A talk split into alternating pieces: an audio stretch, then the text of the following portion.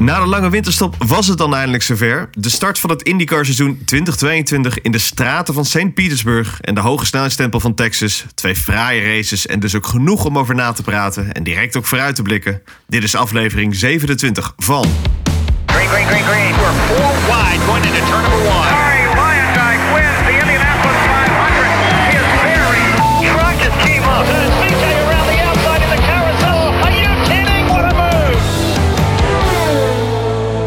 Dit is Green Green Green, de podcast. Met René Hoogterp, Jeroen Demmendaal en Frederik Middelhof. Ja, zoals gezegd, we zitten al twee races in het eh, IndyCar seizoen 2022. En ook nu lijkt eh, de IndyCar Series precies te laten zien wat wij er allemaal zo mooi aan vinden. Verrassende winnaars, veel spektakel tot aan de streep. En eh, natuurlijk zit ik hier virtueel links van mij met de IndyCar Encyclopedie, Jeroen Demmendaal. Eh, Jeroen, heb, jij hebt je volgens mij ook wel goed vermaakt de eerste twee races. Ja, ik heb me prima vermaakt. Nou, ik bedoel, zelfs de meest snoesfest IndyCar race vind ik, daar vind ik nog wel wat interessant in. Maar we hebben natuurlijk gewoon twee topraces gehad. Ehm, en in de tussentijd, sinds de laatste keer dat wij hebben opgenomen, heb ik ook eh, mijn trip naar Road America in juni geboekt. Dus ik ga eh, dit jaar voor het eerst sinds 2015 weer bij een IndyCar race zijn. En daar eh, kijk ik erg naar uit. Nice. En virtueel eh, rechts van mij eh, IndyCar commentator van eh Ziggo Sport, René Hoogterp. Eh, René, ja, die Scott McLaughlin hè. Ja, dat had niemand durven denken, denk ik. Hè? We hadden het eh, volgens mij eh, een paar weken terug hadden we het in onze Twitter Spaces erover. Ehm, we, hebben, eh, we hebben natuurlijk het voorspellingenspel hebben we gehad. En zelfs van al onze luisteraars was er niemand die McLaughlin bij de beste negen had staan die een race zou winnen. Dus ook wij laten ons verrassen. Want wij hadden dat ook niet voorspeld. Dus nee, helemaal goed. Helemaal leuk. We gaan even terugkijken op de afgelopen twee races op St. Pete en Texas. Aan boord bij Scott McLaughlin. Hij mag het veld leiden. Heeft dat meer dan eens gedaan in de V8 Supercars. Nu mag hij het doen voor de eerste maal in de IndyCar Series. Het is een Penske gevulde eerste startrij. Rinus VK vanaf plaats nummer 4. Het is green, green, green voor 2022. Het is VK die meteen een goede start kent. En VK pakt meteen P3 over. Eriksen er voorbij. Nu moet je naar binnen. Niet te lang wachten. Oh, Grosjean, ga je het hier doen? Naast elkaar? Oh, er is bijna geen ruimte. Jammer dat we dat net niet helemaal konden meekrijgen. We hadden gewoon daar de buitencamera moeten pakken. Maar VK die wel zijn huid duur verkoopt. En terecht natuurlijk. Maar ja, dit kost hem zoveel tijd. En niet zozeer ten opzichte van deze man als Grosjean hem nu naast zet. En ja, dat is met veel overtuiging. Grosjean er voorbij. VK, VK, pakt hij het terug? Ja, laat hem maar staan, jongen. Nee, nee, daar heeft hij dus echt geen tractie meer. Daar komt Palou aan de buitenkant. Nou, dit kost hem uiteindelijk zoveel tijd, dit. Daarachter is het Graham Rail. Palou ernaast en er voorbij. Rail ernaast en er voorbij. Rossi ernaast en er nog niet voorbij. Nog één keer aanremmen. Gaat Palou nog een do-or-die actie doen? Het lijkt erop van niet. Buitenom, onderdoor kruisen. Er gaat niks meer gebeuren. Het is een allereerste overwinning voor Scott McLaughlin. Vanaf zijn allereerste pole pakt hij ook zijn allereerste overwinning. Green, green, green in Texas. McLaughlin meteen aan de leiding. En daar is het Rail die ook de daar gaat het mis. Het is daar Kirkwood die er vanaf gaat. Kyle Kirkwood die zo sterk was in die openingsfase. Nou, gaat helemaal mis. Oh, zware klap. De Francesco erbij betrokken. Het is Rail en het is Castroneves er ook bij betrokken. En daar is het VK buitenom bij Dixon. Ja, en VK heeft een lekker momentum. Die kan zomaar P3 ook overnemen voor Power. VK op 4, VK op 4, VK op 3. En voorbij aan Power. Maken met z'n tweeën een enorm gat in de lucht. En daar profiteert VK van. Gaat VK meeklappen ten opzichte van Newgarden. En pakt VK plaats 2 over. Clear, clear. Komt VK. VK buitenom en aan de leiding. En hij een momentum heeft, zeg. Rinus VK, ronde nummer 159, leidt in Texas. Eriksen die daar wel heel veel risico nam, maar wel momentum heeft en gaat van 3 naar 2 naar 1. En dus pakt Eriksen de leiding over. Oh, het is VK, ja. VK gaat naar binnen, heeft aangegeven over de boordradio dat hij te veel onderstuur heeft. Wil toch nog een tikkie meer voorvleugel erbij. Dus echt vol in de aanval. Ja, dan moet je nu heel laat in de remmen. En is dat te laat? Ik denk dat hij net op tijd is. Ja, McLaughlin gaat afwachten. McLaughlin gaat geen risico nemen. Gaat Newgarden dat wel doen. Newgarden probeert de hoge lijn te pakken. Probeert de hoge lijn te pakken. Gaat er buitenom komen. Dan wordt het een sprint en het is jouwer. Newgarden pakt hem nog op de streep. Ah, McLaughlin, zuur, zuur, zuur. Maar gewoon geweldig voor het kampioenschap natuurlijk. Maar ja, deze doet wel eventjes pijn. last lap, uh, last corner. That's that's what it's all about at Texas. I hope we come back. Let's come back. Ja, even een korte synopsis van deze twee races. Tactisch zeer interessant, maar ook de nodige schadegevallen dus. Eh, laten we zo dadelijk per team eh, de eerste balans opmaken. En we spreken zo dadelijk natuurlijk eh, die oude snuit uit Rinus Viquet... over zijn eerste twee races van 2022. Waar hij natuurlijk eh, ja, tevreden over mag terugkijken. Goed begin. Genoeg vragen ook binnengekomen, dus die stellen we natuurlijk ook zometeen. Eh maar eerst even over St. Pete eh, en Texas. Mannen, laten we eerst even over Texas hebben. Waar het eigenlijk ouderwets genieten was. Hoge snelheidstempel. Ja, ouderwets genieten. En vooral ook, eh, hè, we hadden een aantal eh, jaren gehad waarin het eigenlijk gewoon treintje rijden was. Allemaal eh, follow the leader. Ehm, en we maakten ons allemaal heel erg zorgen over hoe gaat dat met dat rare plakspul dat NASCAR erop gooit ieder jaar. Gaat dat wel goed komen dit jaar? Ja. Dus dat is zelfs een speciale sessie na de tweede vrije training nog, zeg maar. Waarbij ze een half uurtje speciaal in die tweede groove gingen rijden. Nou, dat, leek uiteindelijk, dat bleek uiteindelijk niet zo Wat heel veel theater was dat, hè? Ja. Ehm, maar wat ze wel hadden, ehm, ze hadden ook een hoop meer downforce. En er was een nieuwe bandencompound. En die combinatie die zorgde ervoor dat er eigenlijk toch wel gewoon weer flink wat inhaal, eh, eh, mogelijk eh, inhalen mogelijk was. We hebben de Green zelf gezien, die een aantal keer buitenom mensen passeerde. We hebben Kyle Kirkwood gezien, die ongeveer eh, 38 man voorbij haalde, voor- inhaalde bij een, bij een herstart. Dus ja, ehm, wat dat betreft, uiteindelijk gewoon tegen alle verwachtingen in. Een prima race. Ja, en vooral de downforce, hè, wat ze mochten toevoegen. Ik heb begrepen dat ze eigenlijk diezelfde bargeboard, noem het even een bargeboard, wat ze vorig jaar mochten, intro- wat geïntroduceerd werd tijdens de 500, eh, dat ze dat pakket weer mochten gebruiken. Dat is ideaal. En volgens mij was ook een zachtere bandencompound. Nee, is nee, helemaal goed. En het, oh, wat heeft Texas die race dan ook nodig? Dat het even een goede race was. Want wat je terecht zei, Jeroen, het waren de afgelopen jaren was het. eh, elke keer de, de, de hype van oh, Texas. En elke keer was het, nou, het was niet best. Hè? Nee, het was Nee. niet best. Maar gelukkig, dit jaar al een hele, hele lekkere. punt natuurlijk, het was in die Halfords eh, kitcar eh, era was het natuurlijk spektakel. Want toen was het natuurlijk allemaal Ja. pack racing. En dan hadden we natuurlijk die befaamde race waarbij, wa- waarbij Graham 16. Rahal met twee neusharen voorsprong de race won. Dat was natuurlijk fantastisch. Ehm, maar nu, ja, er was spektakel. Het enige grote probleem is natuurlijk, er was bijna geen hond eh, eh, die ehm, er op de tribune zat om het te zien. Want ehm, wat ik begreep zat er amper 5000 man. Eh, en als je de Texas. Motor Speedway ziet, die hebben hele grote tribunes. Dus als daar maar 5000 man op zit, dan lijkt dat heel erg leeg. Ehm, en dit is ook het eh, jaar waarin het contract met de Texas Motor Speedway afloopt. Ehm, dus er is wel een beetje een kwestie en een discussie gaande over... gaat die race ehm, wel op de kalender blijven? Ehm, Hoe zien de kansen eruit voor Texas? Is het 50-50 of...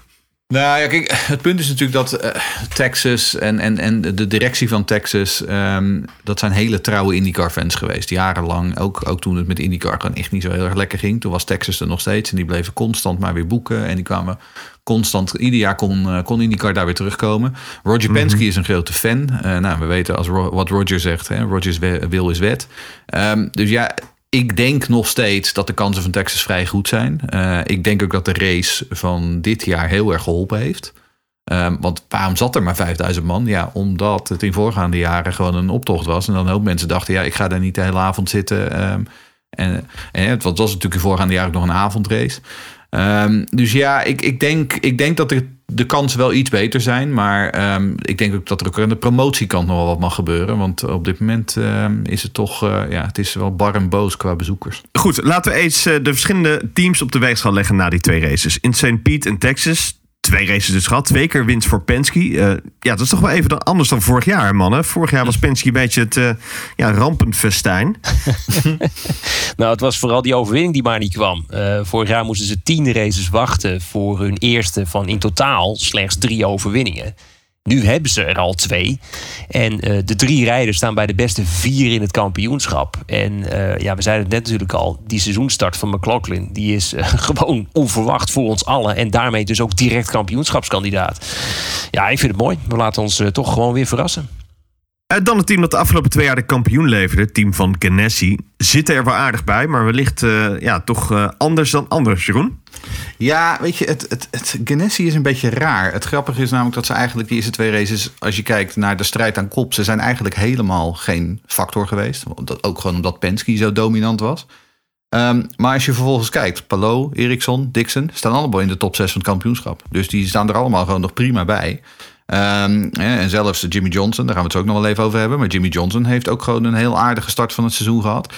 Dus ja, Ganassi, ze, ze gaan een beetje onder de radar.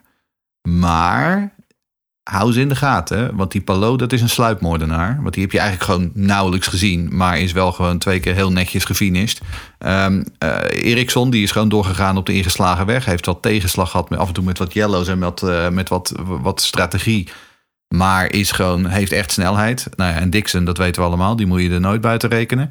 Ehm, dus ja, Penske heeft alle headlines gehaald. Maar Ganassi is er echt nog hoor. Die, zitten, die liggen daar een beetje, wat ik zeg, een soort sluipmoordenaars een beetje te, te lowballen. Aan het ghosten. Ja, Nou, en Ericsson die kan dus ook gewoon nu op een oval op het podium staan. Dus dat, dat, dat zegt ook alweer veel. Dus het, het ziet er ook gewoon goed uit voor Ganassi. Dus eh, nee hoor, inderdaad, vooral in de gaten houden. Wie niet aan het ghosten is, is eh, Jimmy Johnson. Eh, Jeroen eh, zag in zijn voorspellingen een mogelijk podium zelfs voor hem dit jaar. Hij zat al dicht eh, in de buurt. eh, hoopvol richting de Indy 500. Eh, wordt het weer worstelen voor hem in Long Beach? Of kunnen we meer van hem verwachten? Nou, als je kijkt hoe hij het in St. Pete deed, eh, het ging beter dan vorig jaar, maar het was nog steeds wel gewoon eh, een, een, een moeilijke eh, opgave. En ja, aan de andere kant, ehm, we weten gewoon dat dat iets is waar altijd zijn zwakke punt zal gaan liggen. Want dat is natuurlijk iets wat hij niet gewend is. Maar je ziet ook op het moment dat hij op zijn natuurlijke habitat in Texas komt, hij baste gewoon meteen. Eh, hij ging als een tierenlier, hij haalde mensen in, hij kon rustig meerijden in die kopgroep. Ehm, en uiteindelijk, ja, weet je, het grote verhaal waar natuurlijk iedereen op zoek is: van gaat Jimmy Johnson dit jaar het voor elkaar krijgen om de Indy 500 te winnen? Want als hij dat voor elkaar krijgt, nou ja, dan eh, kunnen ze hem bijspijkeren op eh, Mount Rushmore. Ehm, dus ik- ja, wat, dat, wat dat betreft, hij heeft tot nog toe een, prima start van het seizoen gehad. Maar ik, eh, ik reken hem op Long Beach niet tot de podiumkandidaten, nee. En dan gaan we even naar Andretti. Ja, van tevoren betitelden we Andretti eh, ja, als eh, mogelijk kampioenschapskandidaat. Het zijn met Hurta of met de nieuwe aanwinst natuurlijk eh, Grosjean. Ehm, maar wat is nu het rapportcijfer na twee races? Hoe staan ze ervoor, René? Het is wat magertjes, hè? Eh, als we nu kijken naar de stand in het kampioenschap, staat Hurta staat zevende, werd vierde in St. Petersburg. Ja, en dan hebben we dus Grosjean, Rossi en De Francesco, die allen uitvielen in Texas. Ehm, ja, en dan moet ik toch echt wel flink naar beneden scrollen. Want dan zien we dat Rossi en de Francesco... die staan gewoon laatste en één na laatste... eh, van alle fulltimers in de stand van het kampioenschap. Dat hebben we dus over plaats 27 en 28. En Dat is, dat is echt, echt weer voor Rossi gewoon echt ontzettend pijnlijk. Ja, en, nou ja, en, en, en ook weer, ik bedoel, die, die tactiek, dan, dan, dan krijg je een yellow eh, in, eh, in, in St. Piet. En iedereen gaat naar binnen, behalve Alexander Rossi. Ik snap wat ze deden. Ik snap het gokje dat ze, dat ze namen. Want ze denken, nou ja, hè, straatcircuit, er komt er vast nog wel eentje. Daar gaan we voordeel van hebben. Ja, en toen kwam die niet. en toen moest hij naar binnen, zeg maar. Toen iedereen net geweest was en eh, Rossi daar met zijn lege tank helemaal aan kop reed. Ja, en toen twee ronden nadat het groen gevallen was, mocht hij weer naar binnen. En toen reed hij helemaal laatste. Ehm, het is ook weer zo typisch dat dat Rossi nu weer moet overkomen. En ondertussen eh, eh, bij, bij Hurta gewoon twee keer geklooid in de pitstraat. Ehm, ik moet, het moest, viel me trouwens ook op dat hij twee keer hetzelfde probleem had als Rinus. Zowel in St. Pete als in Texas had Hurta ook last van die bandenslijtage. Eh, daar gaan we het zo met Rinus ook nog wel over hebben. Maar die, dat, dat, dat bandenslijtageprobleem waar we het met Rinus over gehad hebben, dat was, zag je bij anderen ook. En het viel mij heel erg op dat juist iemand als Hurta, die vorig jaar af en toe een auto leek te hebben die gewoon echt op rails reed, eh, dat juist hij eh, toch nog wel wat kleine setup dingetjes heeft die, eh, die nog niet helemaal 100% zijn. Ja, over gesproken, team van McLaren, Jeroen. Jij als officieus voorzitter van de enige echte Pato fanclub. Ja, het zijn, het zijn toch wel lastige weken dit. We kregen ook een vraag van Remco hierover. Hoe gaat het voor ons nog? Of het gaat voor ons nog niet heel lekker met McLaren. En eh, ja, dat lijkt niet alleen aan pech te liggen. Hoe denken jullie hierover, Jeroen? Ja, eh, Pato is dertiende in het kampioenschap nu. Eh keertje twaalfde, keertje vijftiende.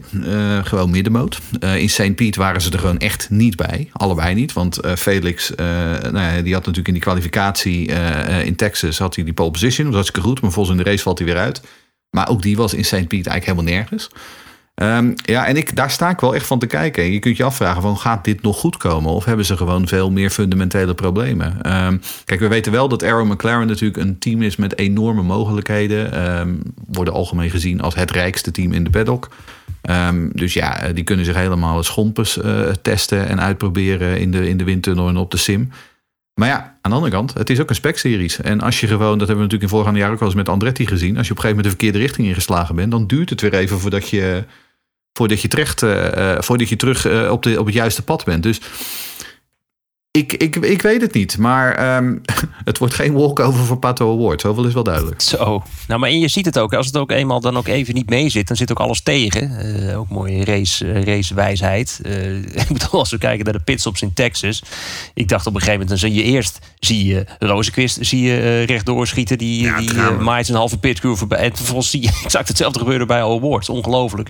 Eh, ja, voor mij de grootste verrassing tot nu toe... dat McLaren er absoluut niet bij staat. Dan het team eh, wat eh, eindelijk van twee naar drie auto's ging. Het team van Rail Letterman Lanigan. Eh, het was moi in St. Piet. eh, maar in Texas, man, wat een pech hadden ze daar. Wel een hele sterke supersub. Ja, de Super Sub Santino. Daar is hij weer hoor. En eh, ja, hij reed gewoon een geweldige race. Ik heb begrepen dat hij eh, volgens mij nog die tien rondjes even warm draaien. Eh, wat is het dan? Nou, heb je het over vier, vijf minuten. En dan moet je meteen instappen in een relatief vreemde auto. Een auto die niet voor jou is afgesteld. Je hebt al maanden niet gereden. Je hebt aan het begin van het jaar heb je nog echt een, echt een enorme optetter gehad in zo'n, in zo'n hoe heet die auto's? Die kleine, waar ze op het onverhardde ovals doen.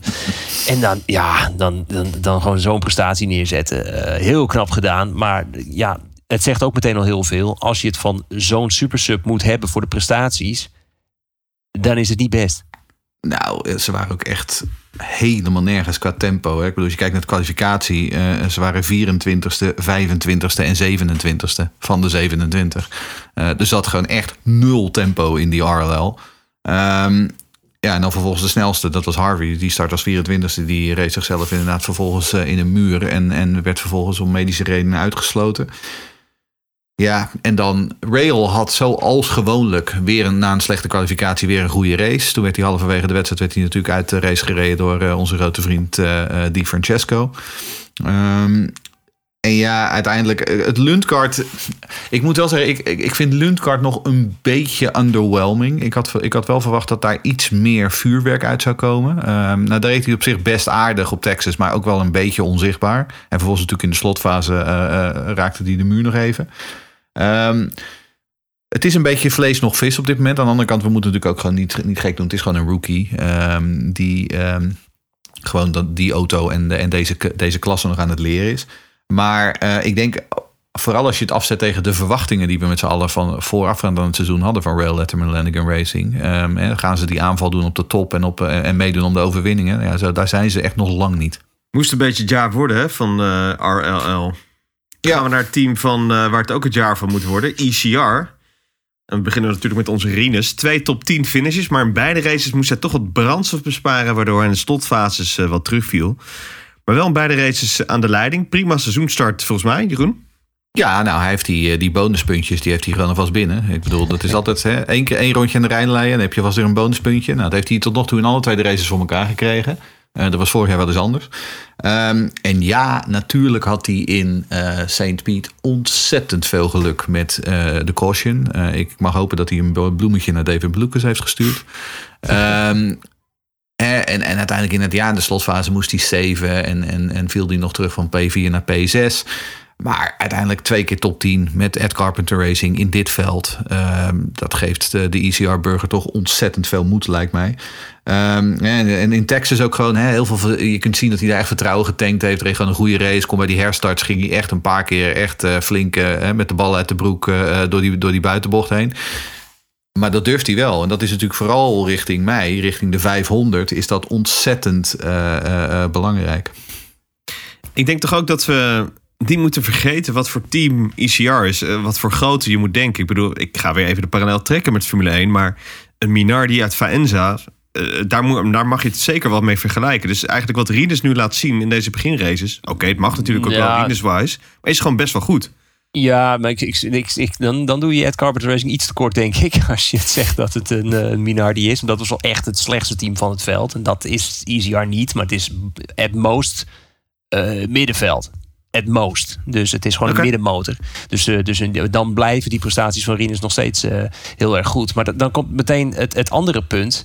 Ehm, het, maakt, het baart mij een beetje zorgen dat eh, hè, VK was in Texas rap eh, eh, en St. Piet rap. Maar waar waren Daly? Waar waren Carpenter? Die zaten er gewoon eigenlijk totaal niet bij. En eh, volgens mij zei ik het ook in de uitzending eh, in de race van in Texas. Van, je hebt wel meer dan één goede presterende auto nodig om elkaar naar voren te stuwen. Dus, eh, dus de basis, en dat brengt me dan wel inderdaad bij het punt wat je terecht aangeeft, Frederik. Het is maar een middenmoot team. Het is niet zo dat ze, in, dat ze met drie auto's er gewoon echt lekker bij staan. En eh, dus, heel hard gezegd, Rinus heeft totaal niks aan eh Daly en Carpenter. Vorig jaar al helemaal niet. Daly misschien iets beter nu, maar mm, voor, het is voor het team niet lekker dat je elkaar niet echt naar, boven, naar voren kunt stuwen. Nee, jij zei het in de uitzending, ik zei het op Twitter diezelfde avond. ehm, dat eh, als je kijkt naar ehm Newgarden en McLaughlin, dat is een goede tandem vooraan. En die had Dixon en Ericsson, dat was een goede tandem voor Ganassi. Die twee die konden elkaar helpen. En af en toe van, nou weet je wat, ik ga even in jouw uh, te rijden en dan even afwisselen. En dan weer.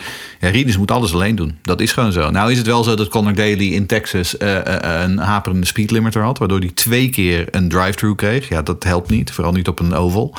Ehm, dus in die zin de, weet je, in ieder geval de race pace is beter. Maar in kwalificatie, ik bedoel, eh, was het gewoon heel erg wat we de voorgaande jaren van ECR op Texas gezien hebben. Namelijk gewoon echt in de achterhoede kwalificeren. Eh Rinus die ont... Ja, die onttrekt zich een beetje aan die malaise wat dat betreft. En ik vind het, om heel te zijn, dat vind ik prima. Ik heb liever dat dan dat Daly eh, iedere race voorrijdt... en dat Rinus op 22 aan het zwemmen is. maar True. Het is, ik ben het wel met je eens. Kijk, wat, en wat natuurlijk ook wel gewoon goed is. Hij natuurlijk, Texas is natuurlijk wel een baan waar Rinus eh, eh, een beetje een mixed history heeft. Ja. Dat juk is er nu wel een beetje vanaf. Want 2020 was natuurlijk gewoon een, een drama. Eh, dat, dat zal hij het inmiddels ook wel gewoon vol over eens zijn. 2021 viel ook nou niet echt dat je zegt heel erg mee. En nu ja, zaten ze er gewoon lekker bij. En dat was, en dat was wel fijn. En wat ik zeg, vooral richting, richting Indianapolis in mei. dit geeft de burger wel moed. Ja, dan Meyer Shank Racing. Met die twee eh, oude rotten daar, eh Castroneves en eh Pagenaud. Eh, ja, goed, eh, veel ervaring aan boord. Maar hoe uitzicht dat nou in de eerste twee races? Nou ja, kijk, Pagino is als verwacht. Je kunt zien dat hij de kar aan het trekken is. Eh, maar die is natuurlijk ook de beoogde kopman. Want we hebben het er wel eerder over gehad. Helio zit alleen nog in die auto omdat hij toevallig de 500 won vorig jaar. Ehm, en Helio hebben we ook eigenlijk nog niet gezien. Hè? Het zij negatief, het zij positief. Die staat geloof ik 16 of 17e. En ja, die, hij is er. Hij staat echt op het wedstrijdformulier. Hij, Hij ja, staat maar, hij, maar, maar, maar verder, kijk, weet je, Pagino is de kopman. En Pagino staat gewoon keurig negende richting Long Beach. Dat is, daar stond hij per saldo vorig jaar met Penske ook. Dat is prima wat dat betreft. Vooral omdat het nu met MSR is. Ehm, en Pagino, eh, ja, weet je, ik heb wel het idee dat hij een beetje nieuw elan heeft. Hij had in, in Texas in de race had hij wel wat pech. Maar ehm, eh, vooral in de trainingen was hij echt snel. Dus zat echt snelheid in. Dus ook dat is richting Indianapolis weer goed. Maar eh, ja, nee, Helio, ja, die heeft eigenlijk maar één doel dit jaar, is het niet? Waar, nee? Die moeten gewoon die vijfde 500 zegen pakken. En het is terecht dat je zegt, Jeroen, de enige reden dat hij in die auto zit, heeft natuurlijk met vorig jaar te maken. En ik denk vrijwel letterlijk de eerste keer dat ik Castro Neves noem, is het moment dat hij samen met Rail en de Francesco in de muur ging in Texas. Daarvoor zag je hem bij wijze van gewoon niet. Dus nee, eh, eh, ik, vind, ik vind het wel opvallend hoor, dat Pagino het zo goed doet. En eh, in Texas heeft hij, had hij overigens altijd wel een goed cv. Stond heel vaak op het podium, heel vaak in de top 5, maar nooit weten te winnen. En nu staat hij er ook gewoon goed bij. Dus belooft zeker wat voor eh, de 500 eh, voor Meyer Shank Racing. Dan de rookieklas van dit jaar. We, ja, wat kunnen we daarvan zeggen, man? Eh, laten we beginnen met de hoogst geclasseerde. En dat is Lundgaard. Jeroen? Ja, nou, ehm, daar hadden we het net al een beetje over met RLL. Ehm, een beetje, hij was best aardig op eh, St. Piet, maar op Texas was hij wel flats en hij hield dus zijn neus niet schoon. Ehm, ja, hij lijkt ook gewoon een beetje last te hebben, denk ik, van die algehele worsteling bij eh, Rail Letterman. Ik denk dat dat ook gewoon is. Hè. Ik bedoel, vorig jaar was het natuurlijk gewoon een team waar vooral Rail gewoon echt wel goed ging. Eh, en je zou hopen voor hem dat hij dan inderdaad in een soort van gespreid bedje terechtkomt. Nou, dat is nog niet helemaal het geval. Maar nou ja, aan de andere kant, wat je zegt, hij is nog steeds wel de hoogst geclasseerde. Hij staat eh, nog steeds op Rookie of the Year koers. Dus wat dat betreft is het prima. Eh, en dat kan, om eerlijk te zijn, het kan alleen maar beter worden, denk ik, in de, in de komende races. Callum Islet eh, staat 16e, één plek achter de Loenkaart. René? Ja, het, het feit dat Islet en eh Junkos eigenlijk meer competitief zijn dan verwacht. Ja, dat is natuurlijk heel erg mooi. Want ze rijden natuurlijk maar met één auto. En we hebben natuurlijk in het verleden gezien bij Carlin dat het ontzettend lastig is. Eh, voor de statistieken en dus het puntje. eh, reden ze zelfs een rondje aan de leiding in Texas. Eh, kun je afvragen, wanneer deed Junkos dat eigenlijk eh, eerder? Dat moeten we eigenlijk even opzoeken. Vind ik wel eigenlijk een hele goeie. Ja, volgens mij nooit. Eh, maar goed, Dus- uiteindelijk geen schade gereden en gewoon uitrijden. Nou prima, dus helemaal goed. David Malukas. Ja, kleine rookie mistake St. Piet, eh, Jeroen.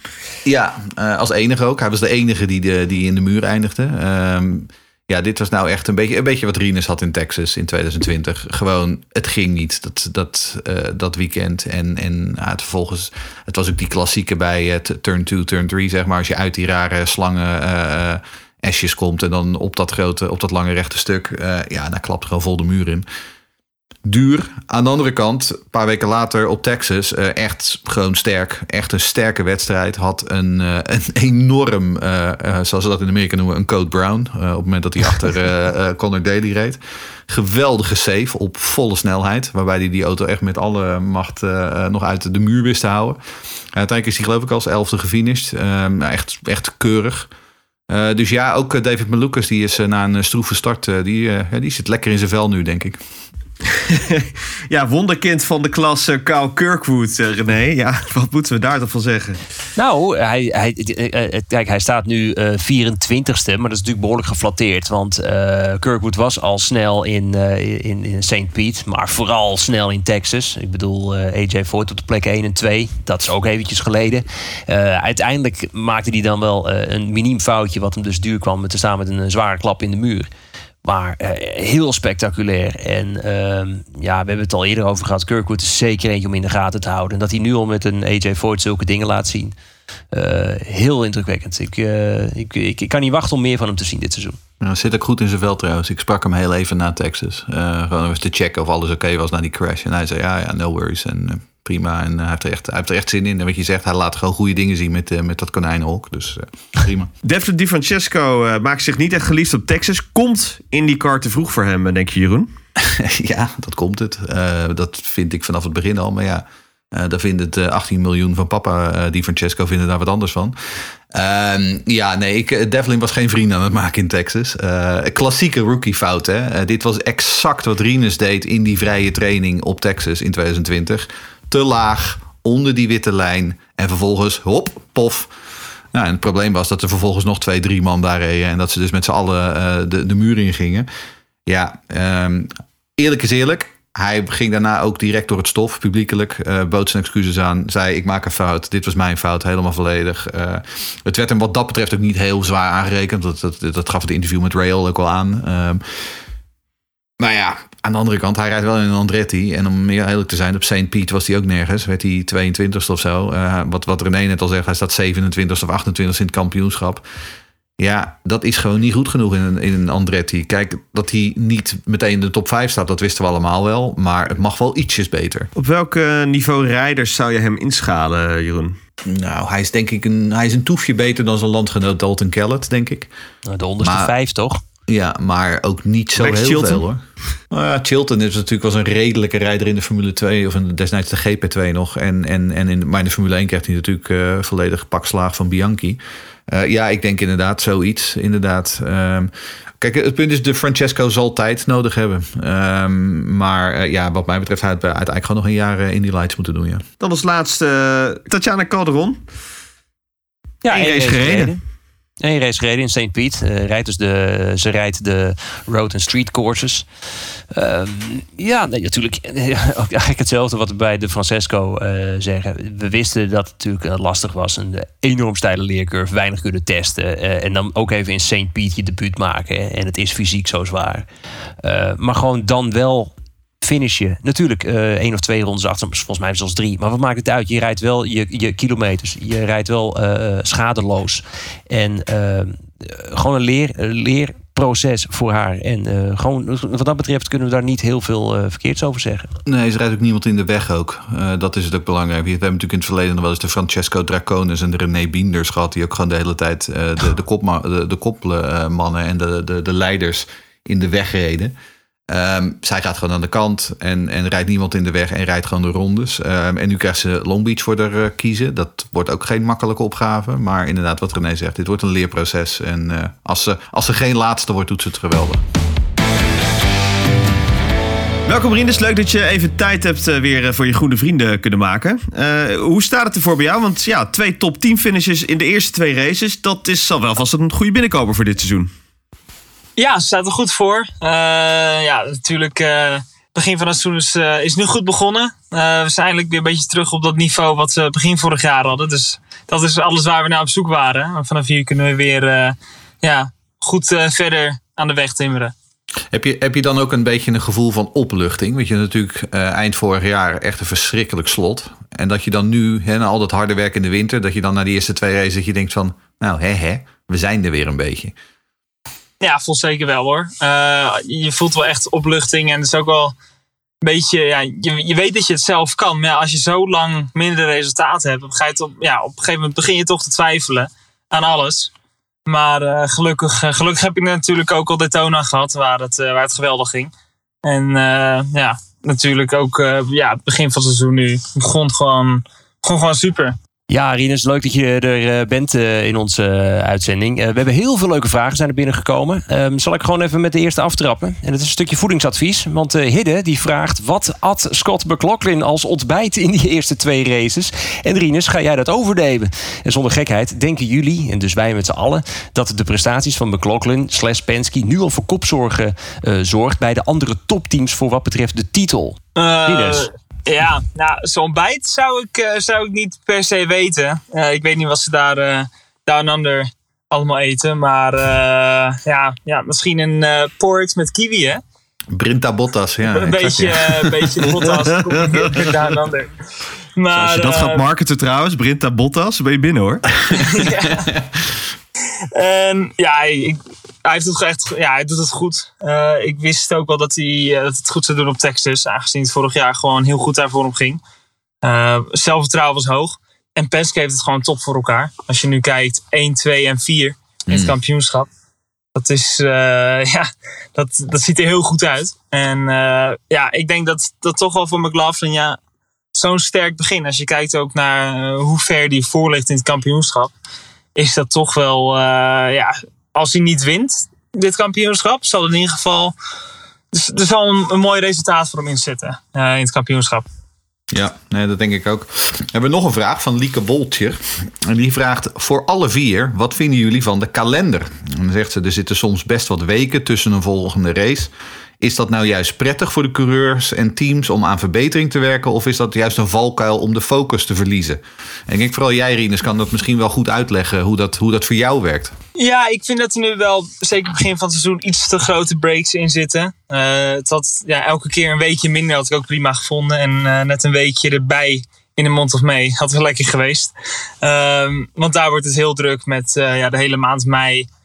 Indianapolis, dan meteen door naar Detroit, dan meteen door naar Rood-Amerika. Dat is natuurlijk wel druk. Maar ja, ik vind het zelf altijd wel lekker om, eh, om een beetje in een ritme te komen en, eh, en in een ritme te blijven. Maar deze, deze breaks geven wel de mogelijkheid eh, om vaak naar de sim te gaan, naar simulator. En, ja, en testen in te plannen. Ja, dat nog een vraag eh, waar we op zouden terugkomen. Want eh, Thijs Barendrecht vraagt namelijk voor alle vier... wat is jullie mening op een eventuele terugkomst van de Milwaukee Maal? Er zijn natuurlijk geruchten, Ja. dat, eh, er zijn namelijk geruchten dat deze één maal... en een beetje baan zou terugkeren op de kalender als vervanger van Texas... Of als Texas blijft er gewoon eh, ja, bij komt op de kalender. Ja, Ja. het lijkt mij natuurlijk heel gaaf. Het is voor IndyCar altijd een mooie baan geweest. Alleen ik denk niet dat het in plaats van Texas moet komen. Ik denk dat, er, eh, ja, dat je deze erbij moet plakken en een, een vervanger, een superspeedway als vervanging moet zoeken voor Texas. Anders is Indianapolis de enige superspeedway waar we ook met die andere vleugels rijden. En ja, dat, eh, dat zou natuurlijk zonde zijn, aangezien, eh, ja, aangezien IndyCar toch wel die, die high-speed speedways hoort te zijn. Ja, ik ben het met je eens hoor. Eh, wat mij betreft komt Pocono ook weer terug. Ehm, en wat betreft dit Milwaukee-verhaal. ehm, ik weet het dat de wereld ingeholpen is door David Land, een YouTuber. Eh, en David Land die heeft ongeveer 50% van de, van de tijd heeft hij het wel bij het rechte eind. En de andere 50% eh, praat hij een beetje uit zijn achterste. Dus ik weet niet hoe serieus dit, eh, ehm, eh, dit gerucht is. Ik kan me ook een beetje voorstellen dat het een soort vader is de, de wens is de vader van de gedachte.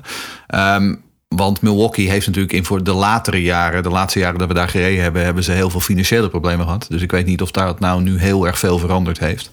Ehm, maar ja, Milwaukee, ik bedoel, die baan die ligt er al sinds het jaar Kruik. eh, heeft heel veel historie. eh, en eh, ja, daar zou de IndyCar natuurlijk gewoon wel terug moeten komen, wat mij betreft. Nou, ik ben het wel eens met Rinus. eh, van, dat, dat, dat, eigenlijk zou er ook gewoon weer een superspeedway bij, bij moeten komen. Het zij Pocono, eh autoclub, maar dat gaat binnenkort verbouwd worden volgens mij. Maar Montana, Michigan, ja. zo'n achtercircuit, die mis je Maar wel. jongens, Pocono ook zou toch gewoon terug kunnen komen op de kalender als het gewoon volgens nieuwe veiligheidsvoorschriften wordt herbouwd. Dat denk ik wel, ja. Alleen het is, ja, het is toch wel een beetje gevoelig. Ik denk dat dat het meer is dat, dat, ze- dat ze dat willen tegengaan. Natuurlijk eh, wat er is gebeurd eh met Wickens. En eh, het jaar daarna ook die grote crash waar Sato bij betrokken was. Ja, Rosenquist. Ray, dacht ik. Rosenquist. Dus ja, ik denk dat ze dat wel een beetje tegen willen gaan. En ja, toch niet, toch niet dat gevoelige punt weer op willen zoeken.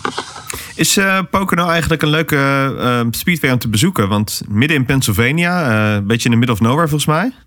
Ja, voor mij kwam Ik er zou nooit het niet ook- weten. kwam- voor mij Ik ben kwam er ook nooit iemand. Dat was het probleem volgens mij. Dat er ook gewoon geen hond naartoe kwam. Echt in middle of nowhere ligt het. Ja. Beetje kaliber Mid-Ohio, denk ik. En dan hebben we nog een vraag van eh, de F1-nerd, eh René. Ja, er zijn heel veel eh, vragen die echt spe- specifiek voor jou zijn, eh, Rinus. Dus eh, maak je borst maar nat. En de eerste is meteen een, nou ja, eentje waar je meteen over goed mag nadenken. De F1-nerd inderdaad, die zegt... waarom, Rinus, rook jij je banden zo snel op? Dit lijkt hem veel vaker te overkomen dan de mensen om hem heen. Is dat omdat hij misschien wel boven zijn stand rijdt... tussen alle topteams, dus je overdrive misschien de auto? Of is je rijstijl misschien te agressief? Ja, het is meteen even rustig inkomen. Ja. Nou, ik, ik zag die vraag ook al langskomen. Ik zat al een beetje stiekem te spieken. Wat 17 er, eh, miljoen bondscoaches hè, hier. Maar ja, wel een goede vraag eigenlijk. Want eigenlijk eh Sint-Petersburg, eh, op die rode band heb ik heel veel moeite gehad. Eh, daardoor een beetje in, een andere sequence gekomen. En een beetje hetzelfde in Texas. Dus ja, ja, ja goede vraag. Is dat, is dat een setup dingetje dan? Op te ik denk dat het in Sint-Petersburg meer een setup dingetje was. Waar, ehm, waar we hadden verwacht dat de voorbanden er meer aan zouden gaan tijdens de race. Op de rode band gingen de achterbanden er eigenlijk meer aan. En we hadden net de auto afgesteld om, ja, om de voorbanden een beetje te redden. Maar ja, eh het gebeurde juist het tegenovergestelde. Dus daar hebben we denk ik een beetje de plank misgeslagen eh, op dat vlak. Maar Texas, ik denk dat dat ja, ik heb eigenlijk nog nooit op een speedway eh, last gehad van ja, heel erg bandenslijtage of ban- bandenmanagement, zeg maar. Dus ik denk dat ik daar wel heel veel heb kunnen leren. En eh, eigenlijk ook ja, niet wist hoe ik goed banden kon sparen en eh, wat ik het beste kon doen. Dus ik heb eigenlijk met Ed Carpenter Racing ja, vorige week in Indianapolis nog ja, een hele dag gezeten om, ehm, ja, om om alles helemaal uit te vinden wat, we, wat, wat ik het best kon doen om banden te sparen. En kijk, het zijn maar twee rondjes die je extra nodig hebt. Maar zo kan je wel de sequence net even opzij schuiven. Dus eh, ja, eigenlijk een beetje ervaring die ik tekort kwam. En ja, misschien, eh, ja, misschien iets te hard gepusht op het begin van die runs. Maar ja, ik had nooit verwacht dat, eh, dat het ook een race zou worden waar, waar inhalen zo makkelijk zou zijn. Vergeleken met jaren ervoor. Ik vind het wel mooi dat je zegt eh, dat we in St. Piet de plank compleet missloegen. Maar dan word je wel gewoon zesde. Dan valt het al best wel mee. Ja, ik denk, denk op die rode band eh, sloegen we alles mis. Maar we waren heel goed op de zwarte band. En daar trokken we alles wel een beetje recht mee. Dus eh, ja, ik denk ook dat we, dat we zo goed zijn qua pace dit seizoen. Dat we eigenlijk twee races hebben gehad waar, ja, waar niet alles perfect ging. Heel veel benzine moeten sparen bij de races om, eh, om net die strategie vol te kunnen houden. En ja, twee keer gewoon. Ja, één keer zesde, één keer tiende. Dus eh, ja, ik denk dat we daar heel erg tevreden mee moeten zijn. En eh, als we alles een klein beetje, beetje op kunnen frissen zeg maar, voor, voor de volgende races. Kunnen we gewoon echt voor een podium of een overwinning meestrijden. En die andere factor dan op Texas, ehm, en op St. Pete natuurlijk ook, ehm, benzine. Eh, daar hebben zowel Robin Prins als Arjen Robel, die hebben er eigenlijk een soort gelijke vragen over. Die zeggen van, eh, de race op Texas was geweldig, maar je moest uiteindelijk hè, door een tekort aan fuel veel liften in je laatste run. Ehm, was dat dan een gokje op dat er nog een caution zou komen? Want op een gegeven moment reed je vooraan. En toen was je best wel hard aan het stampen. Maar op dat moment weet je toch al dat je zeg maar, later in die stint eh, benzine te, tekort gaat komen. Als je te hard doorrijdt. Dus eh, zij vragen zich af hoe, hoe werkt dat dan qua fuel managen? Nou, klopt. Ik was toen eh, wel gaan leiden, maar ik reed in een hele, een hele eh, ja, brandstofarme mapping, zeg maar. Dus ik, ik gebruikte al heel weinig. En ja, we hadden eigenlijk wel een beetje de gok gemaakt voor die late race yellow, die er wel vaak is. En ja, het team zag wel op de telemetrie dat mijn rondetijden eh, ja, een beetje die trend kregen dat, eh, dat de banden een beetje in gingen storten. Dus hebben ze me, ja, waar ze begin van de race mij, ik denk één of twee rondes te laat binnen hadden gehaald, wilden ze me dat voor zijn. En eh, ja, hebben we misschien één of twee rondjes te vroeg gedaan. En eh, ja, eigenlijk kwam het heel, heel krap uit op benzine. Maar gelukkig hebben we het net gehaald. Dus ja, dat, dat zijn ook gokjes op speedways. En ja, één pitstop. Dat is meteen anderhalve ronde. Dus eh, ja, je kan ook niet even een splash and dash maken. Want ja, dan verlies je meteen eh, alles. Ja, want als je, een geel, als je nog een later geel krijgt, dan ben je natuurlijk spekkoper. Dan, dan zit je gewoon helemaal in de kopgroep en dan kun je gewoon voor de zege gaan. Ja, als we halverwege door die laatste stint yellow hadden gehad, dan had ik, ja, had ik de luckiest man on earth geweest, zeg maar, die, die race. Maar ja, niet alles kan meezitten. Maar eh, ik denk wel dat we onszelf in, in een goede, eh, wel goed in de mix weten te vinden steeds. En eh, we hebben de pitstops heel erg verbeterd. Echt, Ja. echt heel erg verbeterd eh, vergeleken met vorig jaar. Ja. We stonden nu over twee races gemiddeld zesde van, van pitstops tussen Penske en Ganassi. Dus niet verkeerd. En op deze manier kunnen we ook steeds echt de, ja, de, de sequence terugvinden, zeg maar. Of gewoon tijd winnen als we, als we een wat mindere eerste run hebben in de race. Ja. Daarop volgt een vraag van eh, Sander Wolbert. Hij vraagt: eh, ja, vergt het volgen van een andere auto op een oval ook veel van je banden?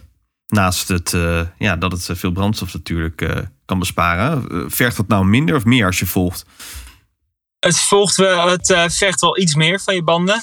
Ehm, meer ook omdat je die dirty air krijgt. En eh, ja, als je onbalans krijgt, dus onderstuur in de auto. Ja, dan scrub je natuurlijk het rubber eraf. En eh, ja, des te eerder dat het weg is. Als ik dichterbij, dichter op een auto rijd en meer aanval achter, achter die coureur. Dat die banden er wel heel veel sneller aangaan. In plaats van als je het eh, easy, rustig aan doet op de entries. En daarna een goede exit hebt. Dan, ja, dan is het wel een stuk beter voor de banden. Dus dat is ook weer wat ik geleerd heb om, eh, om zo banden te kunnen sparen tijdens de race. Eh, ja, ook gewoon goede ervaring weer erbij. Gillian vraagt Rinus, voor wie wil je gaan rijden volgend jaar? Dat is toch de million dollar question. En hij zegt er meteen achter, en waarom Penske? maar meer serieus. Wacht even, jongens, ik start even het RTL Boulevard muziekje in.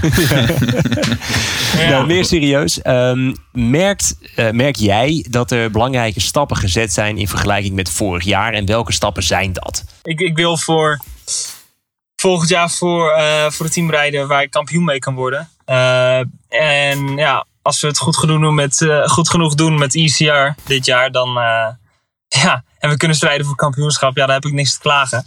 Dus eh, dat zien we dan allemaal wel. Voor nu focus ik me gewoon op wat ik nu moet doen. Ik heb het eigenlijk helemaal niet, niet met Ed over. Ehm, ja, dus ik weet ook niet precies waar hij erover voelt. Maar ik denk eh, ja, dat het wel. dat hij het ook wel begrijpt. En dat hij ook wel ja, als coureur mee kan denken eh, over, over wat, wat teams daarvan op zouden de- eh, over mij zouden denken. En dat, eh, ja, dat teams mij wel graag willen hebben nu. Maar ik begrijp Ja. ook wel, het is natuurlijk wel degene die jou de grote kans heeft geboden. Dus eh, je gaat er niet helemaal mee te koop lopen natuurlijk. Nee, tuurlijk. En ik ben er ook helemaal niet mee bezig. Ik ben nu bezig om gewoon zo goed mogelijk seizoen te hebben nu. En elke race te maximaliseren. En ja, dan zien, we, dan zien we over een jaar wel waar ik sta nu. Maar ja, eerst gewoon zorgen dat ik, eh, dat ik kan knallen en zoveel mogelijk goede resultaten pak. Ja, wat je zegt, hè, als je maar kan winnen en waar dat dan is, dat, eh, dat maakt uiteindelijk niet uit inderdaad. Als je maar eh, mee kan doen om de prijzen. Ja. Vraag van eh, Monique Bormans. Eh, zij wil weten naar welk circuit kijk je het meest uit om weer op te racen dit seizoen? Eh, nou, ik denk toch wel Rood Amerika. Dat, eh, het is mijn favoriete circuit. ja, en vorig jaar heb ik niet kunnen rijden omdat ik eh, ja, van de fiets was gevallen. Dus eh, ja, dat was niet handig. Welke grootheid ga jij dit jaar weer buitenom Oh, verschoken? buitenom, ja. Ja, ehm, ja, wie weet. Misschien wordt het wel. eh, misschien start ik de race al vanaf de leiding. Hoef ik niemand in te halen. Zou kunnen. hè? Hey. Ja, en je weet dat ik er ben hè, dat weekend, dus eh, je moet extra goed presteren. Oh, serieus? Ja. Oh, dat is Ja, ik kom naar Road Dat heb je America wel mooi toe, uitgekozen, ja. Nou, over dat fietsen had eh, Benno nog een vraag, eh, Jeroen. Ja, die vraagt, eh, mag je van Ed nu niet meer fietsen zeker? Dat is, dat is nu uit, uit den boze, of, eh, of niet? Ik mag gewoon weer fietsen hoor van Ed. Ah, Oké. Ja, toch wel. Ja, Ed weet dat het een ongelukje was. En eh, ik ben wel, eh, ben wel, ehm, ja, wel rustig gaan doen op de fiets. En eh, als ik echt, echt gas geef op de fiets, dan doe ik hem lekker binnen op de home trainer. Mm. Als ik echt eh, head down ga, zeg maar. Maar eh, soms is het ook wel leuk om een scenic ride te doen. Gewoon lekker een beetje, eh, ja, Ja. in mijn geval dan langs het strand te fietsen. Ja, nou, Menno van der Veen die vroeg, die stelde deze vraag, maar gooide er ook wel een lachende emoji achter. Ehm, hij vraagt inderdaad, wat, wat is je doel voor dit jaar? Ehm, afgezien van de 500 winnen natuurlijk, want dat is de meest voor de hand liggende. Maar zijn er nog andere wensen die je voor jezelf hebt gesteld? Nou, ik denk dat het toch wel mijn grootste doel is om ja, die resultaten die we nu, die we nu halen, eh, die snelheid die we nu hebben, vast te houden door het hele seizoen. En eh, ja, hopelijk nog te verbeteren. Maar ja, vorig jaar ja, heeft dat ons echt wel de das omgedaan. Dus ik denk dat we dat wel, eh, ja, dat het wel een prioriteit is om, om vol te houden. En ja, ik ga me, mijn doelen niet echt aan nummers vastleggen. Maar ik denk dat als we dit, eh, ja, gewoon dat vol kunnen houden. Gewoon die top 10's en gewoon eh, hier en daar top 5 podium. Ja, hopelijk nog een paar overwinningen. Dan, eh, ja, ik denk dat we dan wel echt ja, een geweldig seizoen hebben gehad. Nog een vraagje van Harry voor Rieders. Als zij de Indy 500 heeft gewonnen, zien we hem dan in juli in Nederland of pas na het seizoen?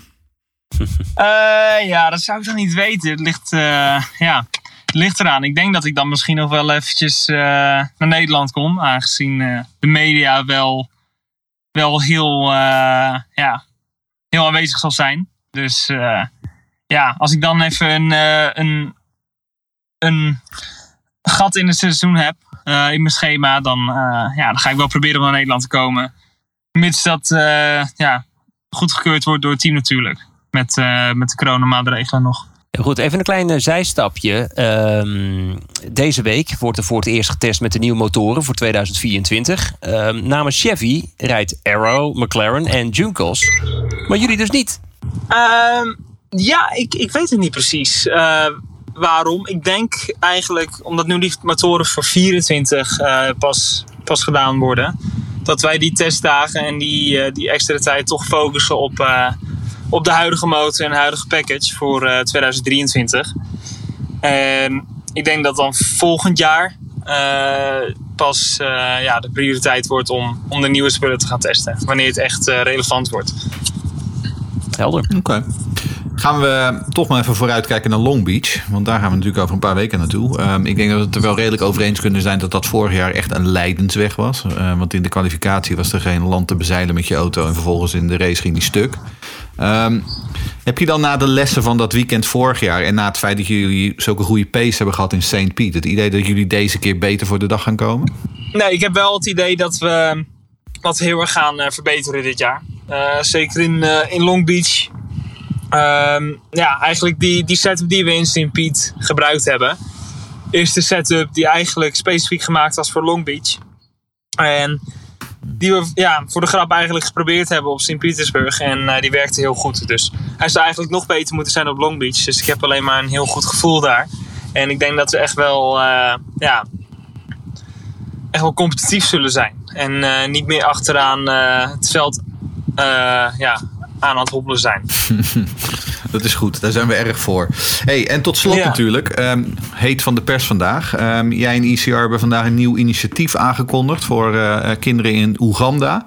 En in ruil voor een donatie kunnen mensen hun naam op jouw auto krijgen tijdens de Indianapolis Road Course race in mei. Leg eens uit.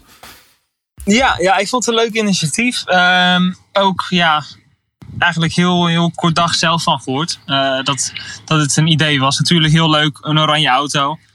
Eh, ja, is wel, eh, is wel natuurlijk eh, een leuke bonus. Maar ja, toch mooi initiatief om, om voor een goed doel te gaan racen. En ja, ik denk dat het ook wel een leuke samenwerking is met de fans. En ook een, leuke manier is om de donateurs wat terug te geven. Dus ja, het is 75 dollar om minimale donatie van 75 dollar. Om je naam op de auto te krijgen. En eh, volgens mij kunnen er ja, meer dan duizend namen op de auto. Dus eh, ja, dat zijn aardig wat. En dat zou, eh, dat zou mooi, mooi zijn voor het goede doel. En ja, dat, ik denk dat het toch wel een, leuk idee zo is. Ja, nou ja, wij hebben, wij hebben minstens duizend luisteraars. Dus als die allemaal even wat geld overmaken, dan kunnen we straks een green, green, green auto ervan maken, toch? Ja, en ik denk dat het ook goed is voor, eh, gewoon echt voor de racefans. Eh, het geeft mensen wel die doneren eh, een, een auto om, om, ja, om voor te duimen en om voor te juichen, zeg maar. Omdat hun, hun naam staat gewoon op die auto. Ja. En ja, misschien worden er nog diecast gemaakt met alle namen erop, wie weet. Maar waar, waar kun je je aanmelden? Waar kun je de donatie doen? Weet je dat? BT, dus Building Tomorrow, dat team. Maar ik denk dat als je Building Tomorrow zoekt, dat, dat, die, eh, dat die al goed, eh, goed naar boven komt. Aangezien het best een grote charity is. Ja. Hey, en Rinus, Mooi zo. stel nou dat wij eh, met het hele club luisteraars een hele grote donatie doen. Zouden wij dan de hele voorvleugel kunnen bestieren met green, green, green? Nou, ik denk dat het, eh, het, gaat zeg maar echt in, in vlakjes op de zijkant, Ah, zeg maar. jammer. En eh, Heel veel ik green, denk wel green, green dat je, vakjes. Dat je 300 namen, 300 keer green, green, green, green, green zou drinken. Als het keer- Mooi. Top man. Eh, mooi Dankjewel weer. Heel goed. Ja, dankjewel. Dankjewel dat ik weer even bij mocht zitten. En eh, ja, hopelijk eh, kunnen we weer volgende keer met heel, heel wat hele leuke vragen terugkomen. Goed mannen, laten we gaan voorbeschouwen. Want op 10 april eh, aanstaande staat ronde nummer 3 op het eh, programma. De Long Beach Grand Prix. Een van de langslopende races op de kalender. Sinds eh, 84 elk jaar eh, op het IndyCar schema. Wel heel veel eh, verschillende layouts natuurlijk gehad door de jaren heen. Dit is al eh, de vierde vanuit IndyCar oogpunt en de achtste in totaal. Maar allemaal eh, ja, wel redelijk eh, memorabel. Ehm, wat vinden jullie daar, daar nou eigenlijk van mannen? Ik heb eigenlijk eh, elk jaar, en volgens mij kunnen we het zelfs terugzoeken. Volgens mij zeg ik dat nu ook elk jaar in de podcast. ik zit in een soort studio van wat ik nou eigenlijk van Long Beach vind. Kijk, ik ben van de generatie dat ik ben opgegroeid met IndyCar Racing 2. Daarom maak ik daar ook graag referenties naar als er weer een mooie mod uitkomt. En daar was Long Beach was een van mijn favoriete stratenbanen om te, op te sturen. En natuurlijk, het is een All-American Classic. Eh, zoveel historie, Formule 1. En dus ook natuurlijk in de kart series, Champ Car en, en IndyCar, et cetera, et cetera. Maar het is niet altijd een hele goede race. En ehm, ik kan me echt zulke saaie races herinneren. Eh, toen Rossi in 18 en 19, een van die twee, was nog saaier dan de ander. Daar, daar gebeurde gewoon echt helemaal niets. Ehm, maar goed, natuurlijk, er zijn genoeg hele mooie dingen gebeurd. Maar eh, ik, ik, ik laten we hopen. Kijk, vorig jaar was het heel mooi dat het de seizoensafsluiter was. En eh, we hebben het eerder, in, eh, eerder dit seizoen er over gehad. Van dat Long Beach misschien wel de beste het beste circuit is om een seizoensafsluiter te doen. Om dat, feestje en alles eromheen. En dat is allemaal geweldig. Eh, laten we hopen dat het gewoon weer een, eh, een, goede, race, eh, goede race gaat worden. Ja. Ja. Nou ja, en aangezien jij altijd hetzelfde zegt over Long Beach, herhaal ik gewoon weer even dat eh, Snoop Dogg uit eh, Long Beach komt. Calvin Brothers. Eh, dat is natuurlijk ook altijd gewoon een goed feitje rond Long Beach. Eh, nee, ik, ben wel, ik ben wel een fan. Ik, ik, ik kijk ook gewoon graag naar Long Beach als, als, als plaatje, als achtergrond. En soms gebeurt het dan inderdaad niet zo gek veel op de baan. Dat is wel zo. Ehm, maar het is wel gewoon, het is een geweldige setting. En Amerikaanse stratencircuits, daar kun je hem altijd s'nachts zo wakker maken. Dus eh, ook voor Long Beach. Ja, en in de zonnig Californië natuurlijk, wat zeker nooit een straf is. Die hobbelige stratenbaan. Nou, en dat is wel een opmerkelijk feitje, want het regent bijna nooit in Long Beach. Eh stratenbanen in IndyCar, vooral Toronto, is daar een goede van. Vancouver in het verleden ook. De eh St. Pete heeft het ook een aantal keer flink gestort regend. Ehm, Long Beach één keer. Want het sleutelwoord is bijna nooit. Ehm, tijdens de kwalificatie in 1998, en ehm, dit wordt mijn YouTube-tip voor deze aflevering. Eh, je kunt hem nog terugvinden, de kwalificatie van de Kart Series uit 1998. Ehm, en dat is dus de enige keer dat je eh IndyCars eh, in de stromende regen op Long Beach kunt zien. Want anders ge- gesproken is het altijd kurkdroog en is het prachtig weer in, in Californië. Wie zijn nou door de jaren heen de heersers geweest op, of in Long Beach? Nou, dan moeten we het natuurlijk wel hebben over The King of the Beach. Namelijk L. Unser Jr., Little L. Zes keer wist hij maar liefst te winnen. Waarvan vier keer op rij. Maar goed, Paul Tracy heeft ook een prima cv hier. Ook met vier overwinningen. Eh, iets recenter, dan hebben we het over Sebastian Boudet. Heeft drie keer hier weten te winnen. Eh, even zoveel als bijvoorbeeld een Mario Andretti. Boudet dat deed het overigens nog wel in de, de, de, de Jamcar periode. Maar ja, en dan noem ik dus even iets. Want voor mij staat Long Beach nog steeds eh, synoniem voor die allerlaatste race van de, die Jamcar Series. Wat toch een einde van het tijdperk is. En toen was het eh, Power die die, eh, ja, die rare split race toen won in die heerlijke panels. Dus ja, voor mij is dat, staat er toch een synoniem, een synoniem daarvoor. En Ed Carpenter Racing won hier ooit een, een street course race. Weet je dat nog, René? Is dat dan Conway geweest? Dat is Mike Conway geweest, ja zeker. Ja, ja. Want die won hier ook twee keer namelijk. En één keer voor Ed Carpenter Racing. Ja, kijk. Eh, Jeroen, wie zijn eh, volgens jou de kanshebbers eh, dit jaar? Nou ja, als je kijkt naar de, de recente historie. De laatste drie jaar hebben we een Andretti-zege gehad. Dus eh, René noemde ze net al. Die eh, uitermate spannende races waarin, eh eh, Hurta, of sorry, waarin Rossi won in 2018, 2019. 2020 ging het, het hele feest natuurlijk niet door. En vervolgens vorig jaar eh, was het eh, Colton Hurta... die eigenlijk gewoon met twee vingers in zijn neus naar, naar de overwinning reed. Eh, ja, nou ja, we hebben het er net al over gehad. Eh, Andretti heeft een heel stroef begin gehad dit seizoen. Eh, dus dit jaar, eh, ze hebben een overwinning nodig. Eh, wat dat betreft is het voor hun wel een uitkomst... dat ze nu inderdaad naar een baan gaan waar ze een hele goede eh, historie hebben. Maar om eerlijk te zijn, ehm, ook Penske heeft hier in het verleden gewoon gewonnen. Ehm, dus ik, eh, eh, als je ziet in wat voor vorm die steken op dit moment... eh, daar, die zou ik ook zeker niet, eh, niet uitvlakken. Kans voor Rinus? Ja, dat, we, hadden het, we hoorden hem- net ook al zeggen natuurlijk. Broer, de première voor Rinus VK vorig jaar. Eh, Vorig in jaar, de, eh, 24ste in de kwalificatie. En vervolgens in de race werd hij geclasseerd als 25ste... omdat zijn motor ermee ophield. Ehm, dus ja, veel slechter dan vorig jaar kan niet. Maar ja, aan de andere kant... als ze dezelfde vorm hebben als op St. Piet inderdaad... en dan dus inderdaad ook met een, met een setup... die dus eh, eh, eigenlijk gewoon puur voor Long Beach ontwikkeld is... Ja, eh, dan moet het dit jaar beter gaan. Hij kent nu natuurlijk de baan ook. Want eh, je kunt wel in een sim zitten. Maar uiteindelijk, eh, je leert al, vooral toch als je gewoon zelf op die baan reed. Ehm, dus ja, ik denk wel dat hij, eh, dat hij best een goede kans heeft om eh, nou, weer een top 10 klassering te pakken. Ik hoop dat ze wel weer die, die bandencompounds dan weer wat zachter eh, zetten. Want dat maakt het toch stiekem toch wel wat interessanter. Ja.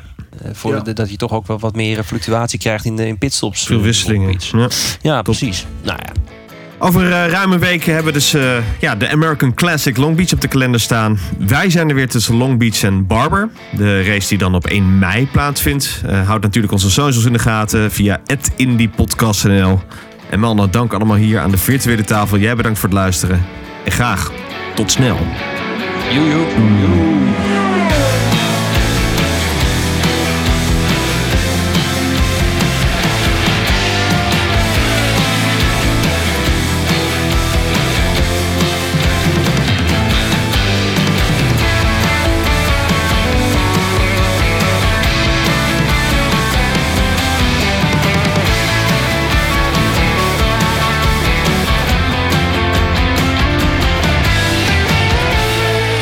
Al het laatste IndyCar nieuws van Green Green Green op Twitter via @indypodcastnl en abonneer je op Green Green Green via je favoriete podcastplatform.